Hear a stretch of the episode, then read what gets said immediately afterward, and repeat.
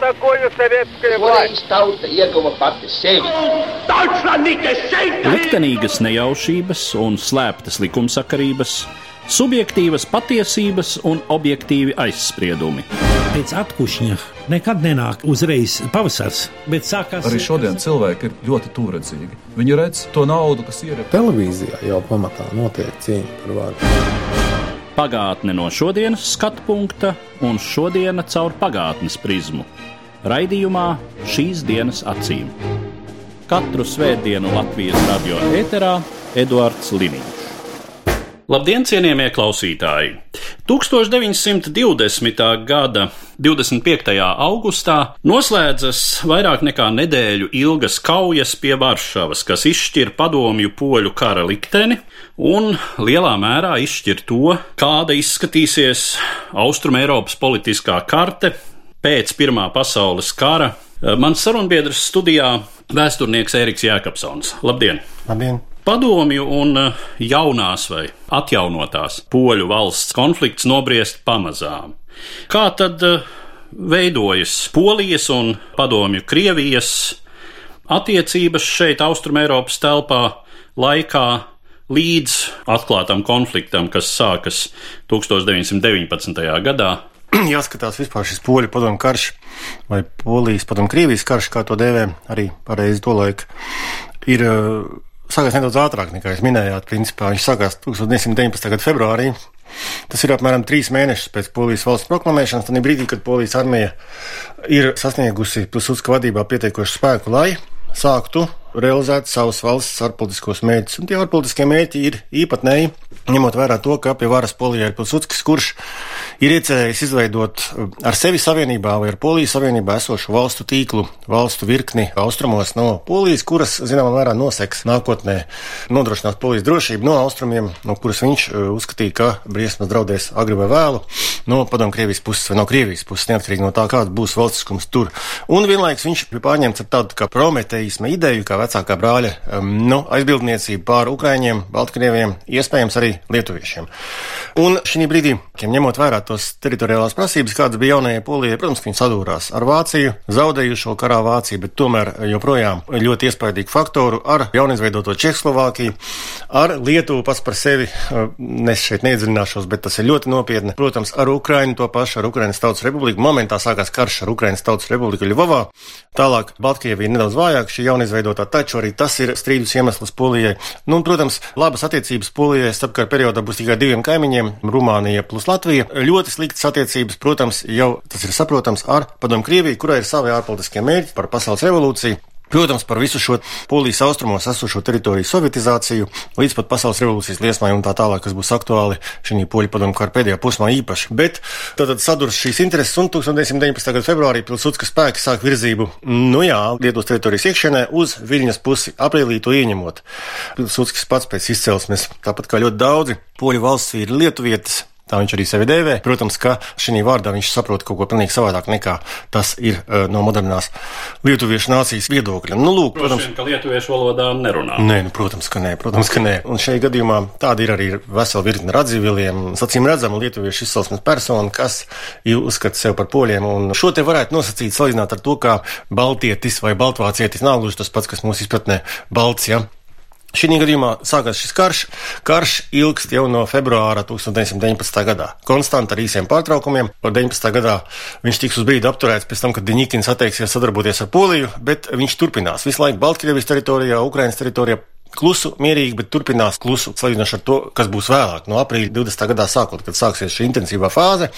Bet Šī kara nozīme, es domāju, mūsu valstī, ne tikai mūsu valstī, vispār reģionā vēl netiek novērtēta, bet es domāju īpaši mūsu valstī, jo nu, mēs kā parasti skatāmies savu vēsturi savās robežās, kas ir kļūda, jo šis karš ir tik cieši saistīts ar Latvijas vēsturi, tik cieši, ka es domāju, pareizi ir pat sistēmu, kas valda Eiropā starpkara periodā apzīmēt ne tikai par Versaļas sistēmu, bet par Versaļas Rīgas sistēmu. Tas būs pareizāk, jo tieši Rīgā noslēgtais miers starp Poliju un Padomu Krieviju 1921. gada martā Melngalnamā izveidoja šo sistēmu austrumos. Nevis Versaļas līgums, kas izveidoja sistēmu nu, centrālajā un rietumē Eiropā. Tieši Rīgas līgums nobeidza veidot šo sistēmu, nobeidza karus mūsu Eiropas reģionā, un līdz ar to es domāju, pareizi darīt to tā, kā dara profesors Strang un vēl daži um, Eiropas vēsturnieki arī Citu valstu vēsturnieki viņi saka Versaļas Rīgas sistēmu. Un tas būs pareizāk vienlaicīgi pasakot, ka arī Latvijai šī karā ir milzīga nozīme, bet tas jau nav viss. Būtībā Latvija bija tik cieši iesaistīta, ne tikai tieši piedalās kā polijas sabiedrotais šī karā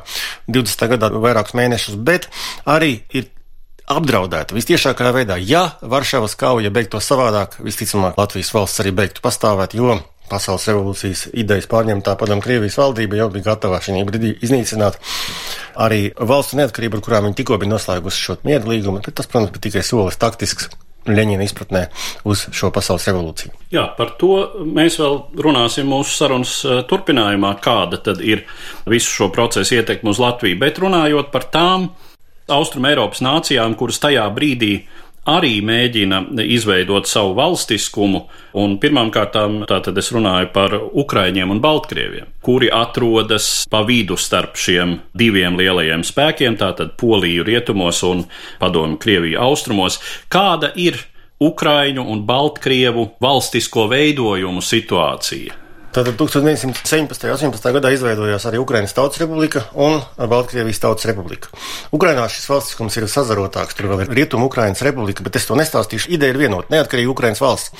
Nav. Lai mūs droši vien nemulsina šis apzīmējums Tautas Republika, ar ko mēs periodā pēc otrā pasaules kara mm. parasti sastopam tādas sociālistiskas valstis. Ne. Tas ir būtībā nacionāla valsts. Protams, ka šī Ukraiņas Tautas Republikas, Ukraiņas Nacionālās valsts intereses no paša pirmā pastāvēšanas brīža sadūrās, atjaunotās vai jaunizveidotās, varbūt teiksim, drīzāk tā, jo tā ir tomēr cita polija nekā 18. gadsimta beigās. Un tad šī jaunizveidotā valsts polijas interesēm un līdz pat bruņotai cīņai. Ukraiņu poļu konflikts ilgst novembrī, decembrī, janvārī līdz pat 1919. gada sākumam Galīcijā, Ļuvovas apkārtnē. Ļuvovu abas puses uzskata par savu kultūras un arī politisko zināmā mērā centru pamatot, starp citu, abas uzskata. Ja? Un šeit šīs ielu kaujas eh, līdz pat bērnu iesaistēju tajās eh, nozīmē to, ka Ukraiņi ir nācija, kas prasa savu valstiskumu. Un tas nesaskan nekādā gadījumā šī brīdī ar poļu valstiskumu interesēm, kurš redz šo te situāciju savādāk. Un tas ir neizbēgami tāds pats konflikts lietuviešiem un poļiem izveidosies citā reģionā. Bet turpinot sarunu par Ukraiņiem, nu, protams, ka Pēc tam būs dažādas nianses attīstībā abu pušu attiecībās, bet 1920. gadā Pilsudskis sapratīs, ka tomēr ir jādod šai zemē valstī um, kaut kāda veida neatkarība, un viņš vienosies ar sliktā situācijā esošo Ukrainas Tautas Republikas vadību par kopīgu uzbrukumu pat padom Krievijai, taču tas būs vēlāk. Fakts, ka abu pušu attiecības ir tik sarežģītas, ka tas turpinās vēl šodien redzams, ir uh, šīs otrā pasaules kara atskaņas, kuras savstarpējas laktēšanās bija Galīcijā un tā tālāk, bet šīm valstīm ne Baltkrievijas Tautas Republikai, kas ir vēl vājāk, vairāk par Ukrainu. Ne Ukrainas Tautas Republikai neizdevās gal galā nostiprināt savu valsti, un viņas pastāvēs tikai uz uh, papīra lielā mērā de jure.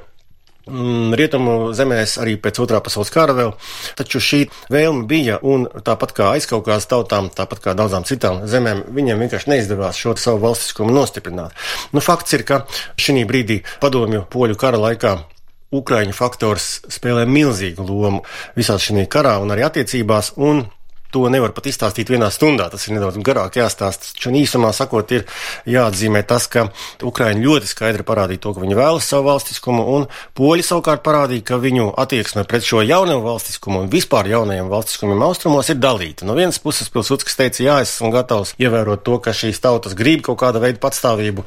Otrakārt viņš teica, mēs tomēr esam vecākie brāļi, vienmēr bijuši dabiski, un līdz ar to mēs par jums būsim kā aizbildņi, vai mēs būsim kaut kādā veidā federatīvām saistēm saistīti vai būs viena valsts ar jums kaut kādām tiesībām, vai būsim valstu savienība, taču, protams, ar mums kā vecāko brāli.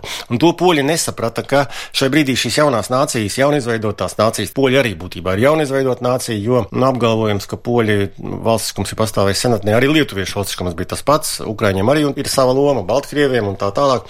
No modernās nācijas viedokļa poļi, krievi un visi pārējie izveidojās pat nedaudz vēlāk nekā latvieši igauņi. Apziņas ziņā. Nu, modernās nācijas visas izveidojās mēram vienā laikā. Šis mūsu centrālās un austrumēropas reģions. Tātad šeit mēs redzam ļoti sarežģītas šīs attiecības, un poļu padomju karš parāda visas tās problēmas, kuras būs aktuālas arī vēlāk tautu valstu attiecībās starpkara periodā līdz pat otrā pasaules kara sākumam un arī pēc tam.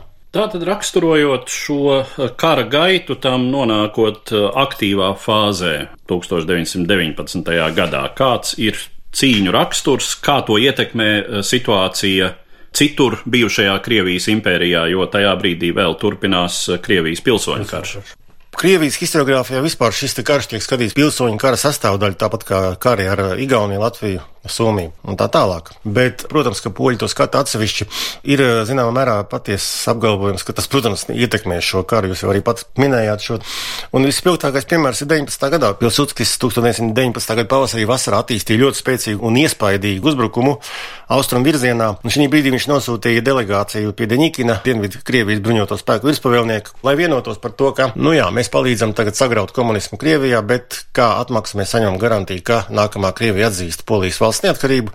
Atbilde bija par to, kādā apjomā autonomija tiks piešķirta Polijai. To izlēms pēc uzvaras Krievijas satversmes sapulces. Pēc tam Pilsudskis apturēja savu uzbrukumu, ļaujot būtībā sarkanai armijai apturēt eh, ar latviešu strēlnieku palīdzību Deņikina spēkus pie Orlas un Kramiem, apturēt šo uzbrukumu Maskavai. Un tas ir tās piemērs, kas ilustrē ļoti labi šo situāciju un to, cik cieši šie procesi savstarpēji saistīti.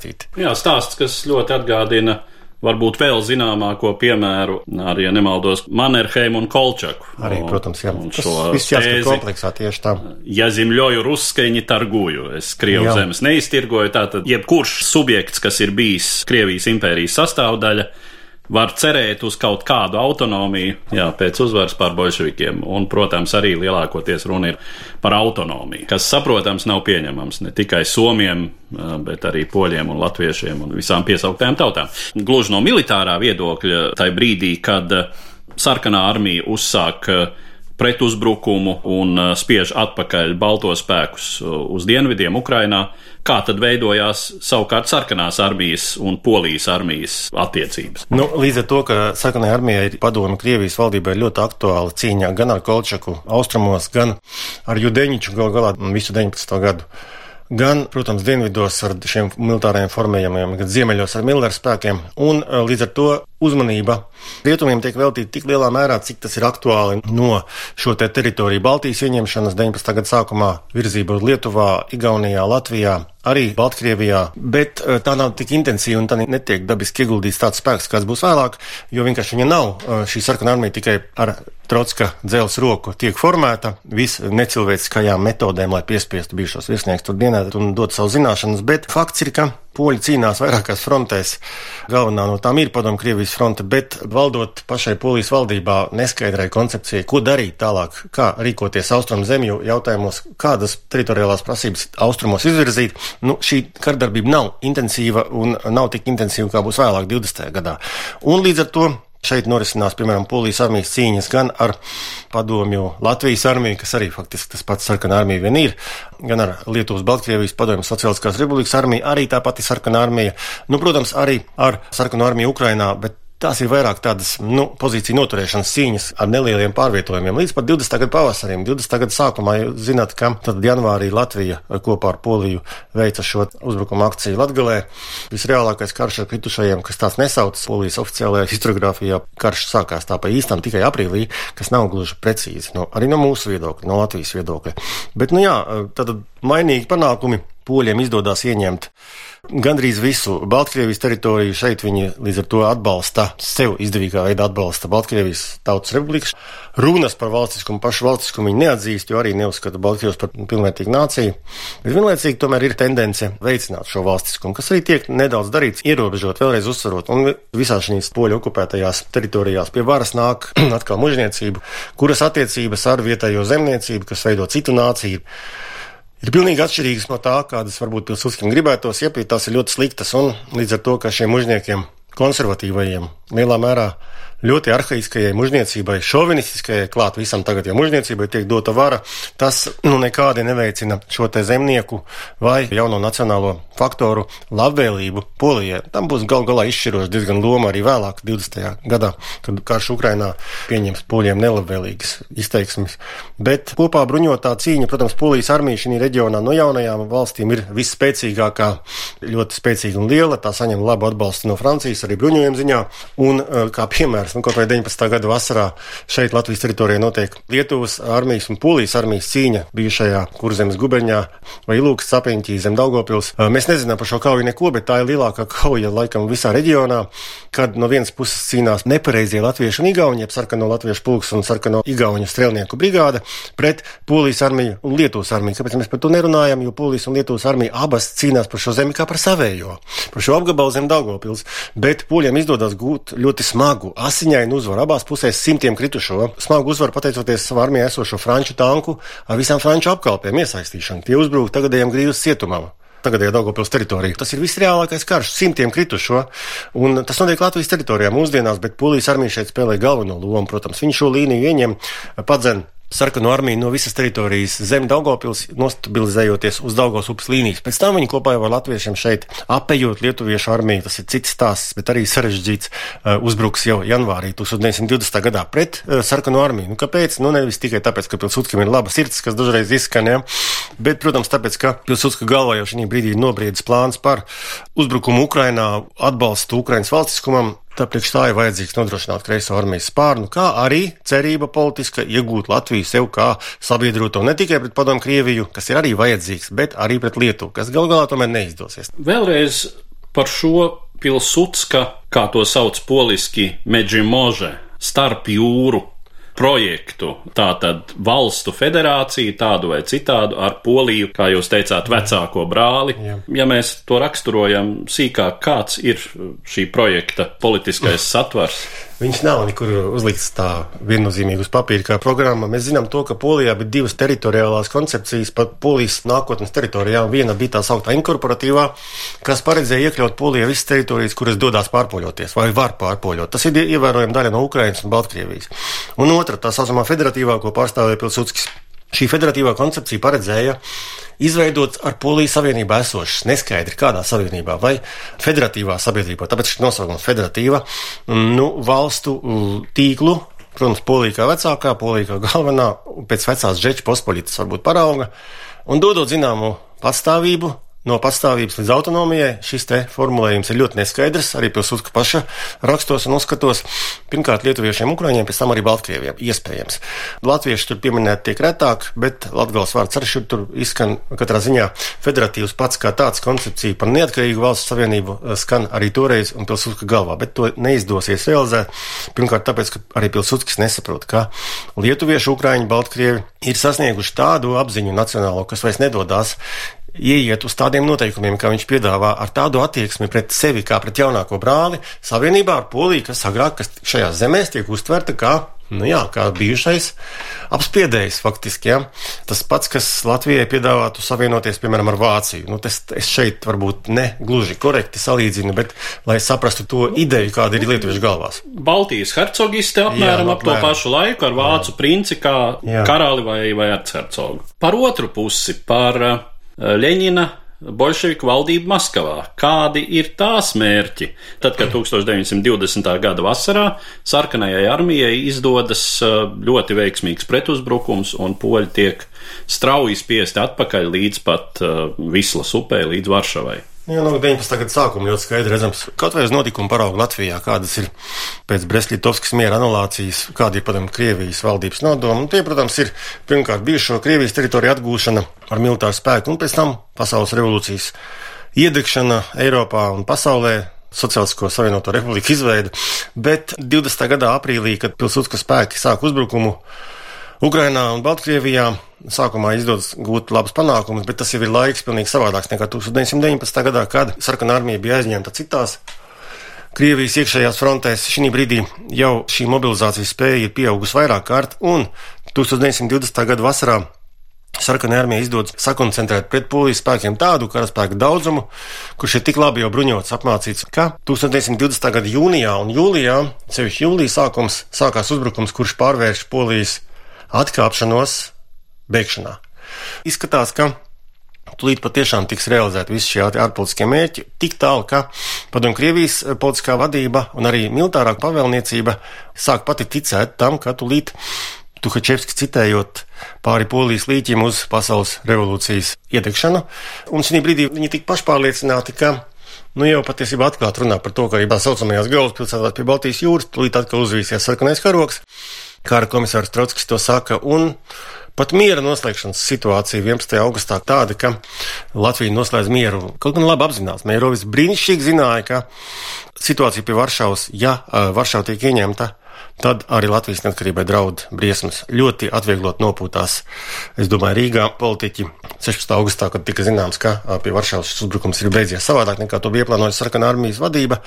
Es pat nerunāšu šeit par iemesliem, kāpēc, bet viens no galvenajiem iemesliem ir tas, ka koncepcija paredzēja, ka ieiešana Polijā nozīmēs to, ka visi darba ļaudis saceļās pret saviem varas nesējiem vai mužniekiem un kapitālistiem un atbalsta sarkanu armiju, jo tā ir strādnieku zemnieku valdība, kas nes viņiem brīvību.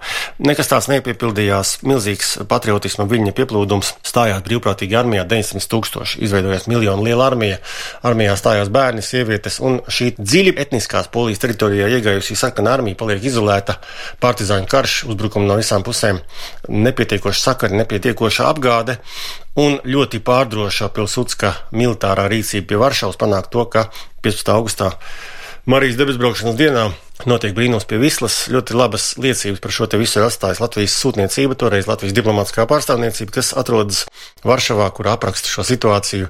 Sekretārs Oliņš dodas pastaigā pa Varšavas ielām. Viņš raksta, ka patiešām visu roku ierakumus sievietes piedalās šajos darbos, visur dārgi lielgabali. Izskatās, ka tūlītās sūtās Varšava kritīs, bet Vienlaikus viņš iet kafejnīcā, izdzer kafiju, viņš pie maniem pieskrien klāt.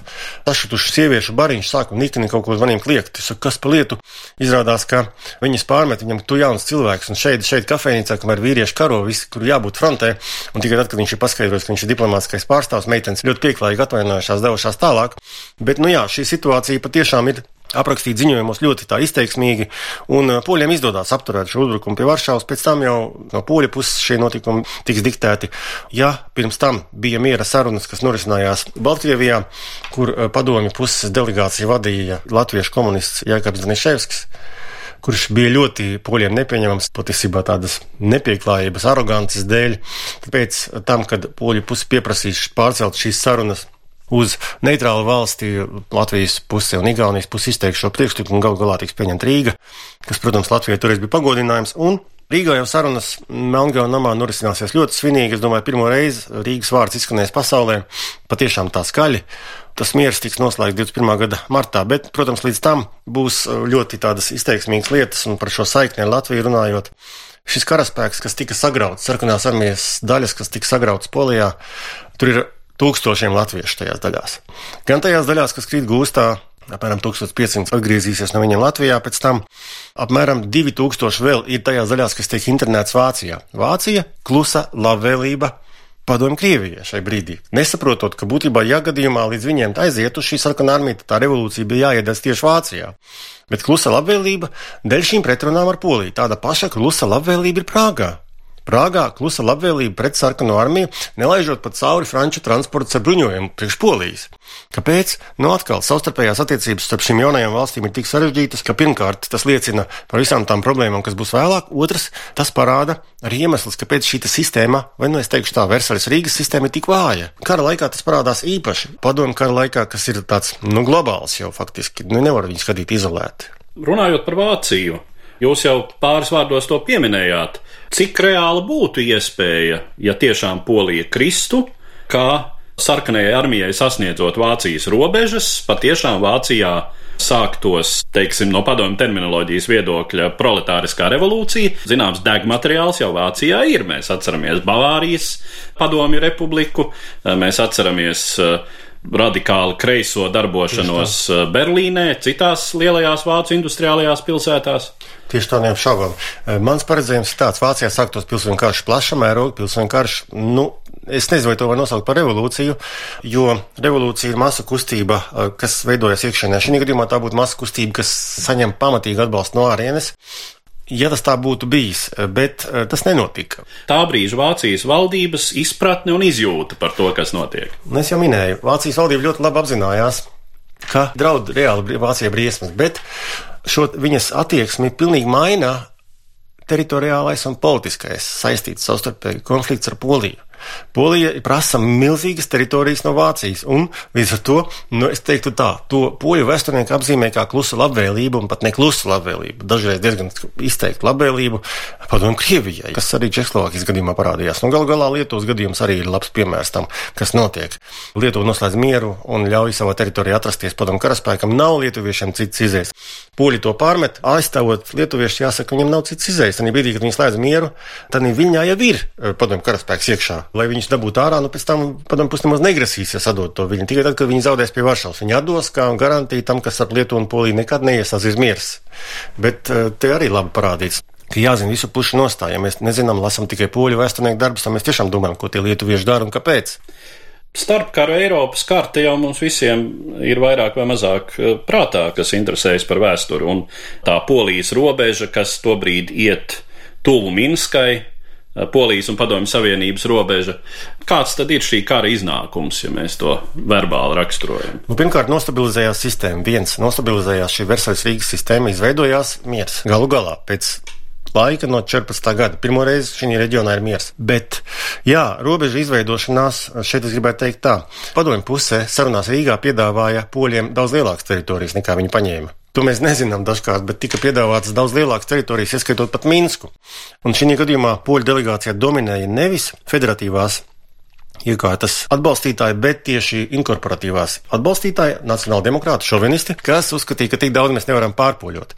Un līdz ar to ņemam tikai tik daudz, cik varam pārpoļot, un tas ir pamatīgs teritorijas šī austrumu polijā, kas bija baltkrieviskas, eh, ukrainiskas un tā tālāk. Nu, es gribētu teikt, ka Tas bija pat pareizāk nekā federatīvā uzskats ziņā šai gadījumā, jo, ja poļi būtu paņēmuši to, tad viņi būtu mēģinājuši pārpoļot arī Minsku. Viņi tāpat jau bija valsts, kurā bija 35% minoritāšu, tāpat tas pārāk augsts šis rādītājs, bet, nu, fakts ir, ka Rezultāts karam ir uh, tāds, viņš nevarēja būt savādāks. Pretrunas šo jaunizveidoto nāciju un tautu starpā bija tādas, ka viņas nevarēja pārvarēt, parakstot vienu papīra līgumu, robežu nevarēja novilkt pēc etniskajiem principiem stingri, tas nebija iespējams, un klāt nāca apetīte visu valstu patiesībā apetīti. Arī Latvijas Lietuva savā starpā kašķējās par mažēķiem. Latvija gribēja mažēķus, Lietuva gribēja Daugopili un Liepāju. Šad tad, vai ne, poļi gribēja Liepāju, Igauni gribēja Valmieru, Ainažus un Valku un tā tālāk un tā tālāk. Šo varētu turpināt, jā. Latvieši arī gribēja šo to vēl, ieskaitot Roņu salē. Nu, jā, nu, protams, šīs savstarpējās prasības šeit, paldies Dievam, viņas neizpaudās tik asi kā polijas gadījumā, bet, nu, polijas gadījums ir uzskatāms ar to, ka polija kašķējās ar visiem būtībā apkārt, izņemot Rumāniju. Ar Latviju arī pakašķējās, bet ne tik stipri, tā pārējiem diezgan asiņaini. Un, protams, padomju Krievijas polijas gadījums ir tāds, kas ir globālākais. Un viņš ir visiešāk saistīts arī ne tikai ar šīm divām valstīm, bet ar visu reģionu. Atceroties to, kas notika pirms 95 gadiem un skatoties uz šī brīža eh, situāciju Austrum Eiropā, cik dzīva joprojām ir Pilsudska ideja par kādu Austrum Eiropas valstu bloku, kas aizstāvētu pirmkārt savas intereses, gan pret Krieviju, gan pret iespējams kaimiņiem rietumos. Pašā idejā jau nav vainas, ja nu, atmetam nost pilsūdzka toreizējo vēlmi. Un izjūta par to, ka polija šeit ir galvenais aizbildnis. Ja mēs to noņemam no tad ideja nav nekādas vainas. Ideja par to, ka polijai jābūt aizbildnim, ir galvenais iemesls, kāpēc viņi nevarēja realizēt. Daudz kas no tā ir labots, bet nu jā, šobrīd mēs redzam situāciju, kad joprojām, diemžēl, nav šīs saskaņas tik lielā mērā, kādu mēs varbūt vēlētos. Līdz ar to es teikšu tā īsumā, nu, ideja ir dzīva, ideja nevar būt mirusi. Visi it kā labi saprot, ka vienīgais veids, kā izdzīvot šīm valstīm mūsu reģionā, veiksmīgi realizēt savu politiku gan attiecībās ar austrumiem un rietumiem, ir kaut kāda veida savienība, No otras puses, mēs redzam to pašu, ko redzam starpkara periodā, ka joprojām ir redzami arī savstarpējās nesaskaņas, vienotības trūkums. Mēs pakļaujamies Briseles un citu pušu mēģinājumiem un sekmīgiem mēģinājumiem runāt ar katru atsevišķi, piesolot vienā rokā pātaga, otrā pīrāgs. Tas pats ir redzams arī šodien. Līdz ar to, protams, kā vēsturnieks un politiķis, jebkurš cilvēks var meklēt līdzības pagātnē. Šeit mēs redzam visciešākās līdzības, bet, nu, protams, situācija ir cita un jācer, ka tādas šīs pretrunas polija arī šāda vēlme nav, kā bija agrāk attieksme daudz veselīgāka. Un es domāju, ka, ja mēs piespiedīsim mūsu politiķus, varbūt skatīties vairāk šī vēsturē, tad daudz kļūdas varētu arī neatkārtot vai atkārtot maigākā formā. Droši vien kā gala secinājums, ka tobrīd mēs redzam ļoti daudz uh, savstarpēju pretrunu, kas faktiski neļauj izveidot potenciāli kādu tiešām darboties spējīgu Austrumēropas valstu bloku. Šobrīd sadarbības potenciāli ir krietni vairāk. Labāk, neapšaubām, jā. Ar tādu secinājumu tad mēs arī noslēdzam mūsu šodienas sarunu, kas bija veltīta padomju poļu karam pirms 95 gadiem. Un es saku paldies manam sarunbiedram, vēsturniekam Ērikam Jākapsonam. Paldies! Katru svētdienu Latvijas radio viens par pagātni sarunājas Eduards Liniņš.